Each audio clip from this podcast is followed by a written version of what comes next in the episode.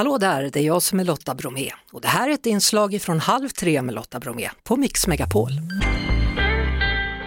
Eh, Mix Megapol är kanalen och jag säger välkommen till Johan Virén som är analytiker på HUI. Tack så mycket. Handelns utredningsinstitut. Och du kommer in här och så har du en färsk analys för hur årets julhandel kommer att bli nu i december.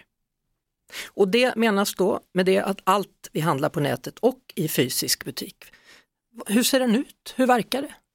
Ja men precis, vi har släppt en eh, julhandelsprognos för december och nu har vi haft två år med pandemi här innan, de två senaste åren och nu kommer vi då in i en ny julhandel fast med ett helt annat ekonomiskt läge istället. Så att, ja men det vi ser är att på julen vill man ju inte spara in på själva liksom julafton och firandet med maten och paketen. Men däremot så handlar vi väldigt mycket annat också i december och där kommer vi nog spara in lite med det lite tajtare ekonomiska utrymmet. Så att totalt sett kan man säga att i pengar, ja men då ökar försäljningen, men i saker, då minskar den lite. Men alltså gör inte det varje år? Är det mer och mer som köps? Så då tänkte jag så här, ja, men nu ska du komma och prata om det här, i år måste det väl ändå gå ner? Ja men precis, julhandelsrekord, liksom, det är ju en alltid, rubrik som brukar alltid. sättas. Och, och, så blir det ju eftersom att vi blir fler varje år och eh, vi har inflation så pengar, sakerna blir lite dyrare. Mm. Så, så i år, ja, man kan säga att det blir rekord i eh, miljarder sålda kronor i år också, men inte rekord i antalet produkter, vilket då är väldigt eh, speciellt skulle jag säga. Ja, vad betyder det? Ja, det betyder att eh, man kommer sälja mindre saker, eller i alla fall kanske lite billigare saker beroende på hur man räknar. Man kan också tänka att försäljning flyttar, att vi köper mer i november månad än vad vi gör i december. Och, och det gör ju att försäljning, liksom, som vi kallar julhandel, minskar. Även om det gör att vi som konsumenter kanske handlar mer på reaperioder som ofta är under november månad. De mm. kommer ju upp nu, många har säkert fått eh, nyhetsbrev och liknande redan nu skickat till sig. Alltså var det väntat det här eller blev du förvånad när du fick resultatet? Ja, det är vi som har gjort eh, rapporten så att eh, vi har ju liksom suttit och eh, analyserat det här fram och tillbaka och vi har ju sett nu under hösten att eh, många har ju börjat minska sin konsumtion, alltså pengarna räcker till mindre så någonting behöver man ju spara in på och frågan för oss har ju varit bara liksom vad är det man faktiskt sparar in på när pengarna räcker till mindre? Eh, och då har vi ju landat i det här att det är ju inte själva julfirandet utan det är snarare just att söka det här värdet efter sina pengar, att man kommer ju leta efter det bästa priset på just det man vill ha. Så, så man kanske köper färre saker men dyrare då? Eh, det är möjligt att man köper färre men dyrare. Men det är också möjligt att man köper eh, lika mycket saker men att man försöker hitta dem till bäst pris, att man försöker utnyttja reaperioder i större utsträckning. Eh. Ja, och, då undrar man ju, då kanske november med alla reor då blir en större julhandelsmånad än december? Exakt, det där är en trend som har liksom växt fram under de senaste åren, eller väldigt många åren, men framförallt nu på sistone, att november är nästan lika stor som december sett i många kronor vi köper varor för. Vi verkar inte strunta i att köpa julmat, det kommer vi göra i alla fall. Ja, eh, vi tänker att vi, vi ser det för att där är ändå någonting, vi har ju lyft de här orden traditionen och värdet, liksom att det får, vissa saker vill man ändå inte spara in på. Så att även om det blir, eller har blivit, eh, sämre ekonomiska tider under hösten så vill man ändå ha kvar den här liksom samma typ av produkter, samma premiumprodukter som man köper till julbordet. Mm. Och, och likadant antalet julbord som man äter liksom med vänner vill man inte spara in på heller. Och kanske hade då dagligvaruhandeln kunnat få ännu mera klirr i kassan om inte analysen pekat på att vi nu då efter all pandemi kommer vilja vara ute och äta julbord på restaurang.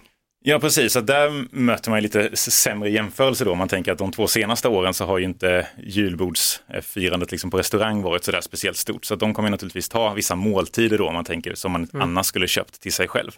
Eh, på andra sidan har vi då gränshandeln, som om man tänker om några bor liksom längs Värmlandsgränsen eller sådär, så är ju de butikerna, det är mycket större rullians där nu än vad det varit de två senaste åren. Eh, vi sa innan låten här då att, att vi kommer köpa julklappar i lika stor utsträckning som vi brukar även om vi kanske då siktar in oss på reor och nu måste vi prata lite om dem för att november är ju en månad som allt mer präglats av reor. Black Friday har blivit Black Week och så är det Cyber Monday och så är det Mid-Season Sale och så är det speciell rea för alla singlars dag den 11 november och det har blivit då till en hel singelrea-vecka och så vidare. Alltså är det här en trend som håller i sig? Det blir bara mer och mer reor här. Ja, det fanns ju två vägar att gå egentligen. Vi ser vissa som hoppar över reaperioder helt och så ser vi vissa som kör nu väldigt mycket längre reaperioder. Jag såg eh, idag då var, var det liksom Black Week hela månaden. Eh, den är ju... Black Week hela månaden, mm. ja. Mm. Eh, och sen finns det ju Singles Week också. Eh, Så att det, det, finns ganska många. Just i år kanske det är eh, extra mycket, att man vill verkligen ha konsumenten till sig. Det kanske gäller mm. att vara först ut med erbjudandet. Om man tänker det lite längre loppet så är det ju dåligt att sälja någonting till halva priset om man kunde fått fullpris i december. Däremot så är det bättre kanske att sälja med viss vinst till halvpris än att inte sälja det alls. Så vad kommer hända med mellandagsrean då? Den är ju kvar, eh, gissar jag också. Eh, men, men då är det bättre att man gör ett litet hemgjort eh, kort och säger du får en ny tv mellandagsren här. Eh, Eller? ja, Tänker det, jag då. Ja men det skulle det kunna vara, eh, absolut. Men visst, julhandeln eh, till fullpris finns ju också dagarna innan för de som inte har köpt paket. Mm. Det får vi inte glömma bort. Men vad är det som är, är tuffast här egentligen? Att vara handlare eller att vara konsument?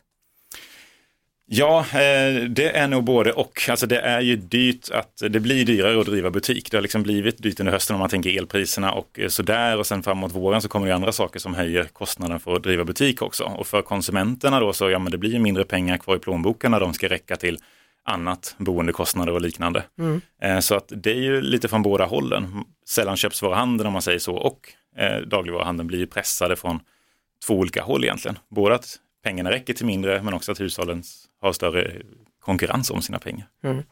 Eh, man brukar ju prata då, som vi nämnde tidigare, då, att det blir försäljningsrekord inför nästan varje års julhandel. Och hur, hur skulle du sammanfatta årets då, då till slut? Ja, men jag skulle säga att det blir ju rekord i miljarder kronor men inte i sålda produkter.